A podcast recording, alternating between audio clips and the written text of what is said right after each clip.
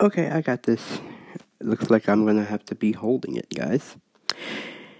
Anyway, welcome to my show. It's uh, been a while since I've done it. It's after 5:30, so I'm only gonna do one thing here.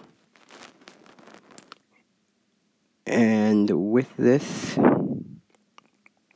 no music will be on the podcast, but I will say something here, and uh, I hope all of you will have a wonderful morning.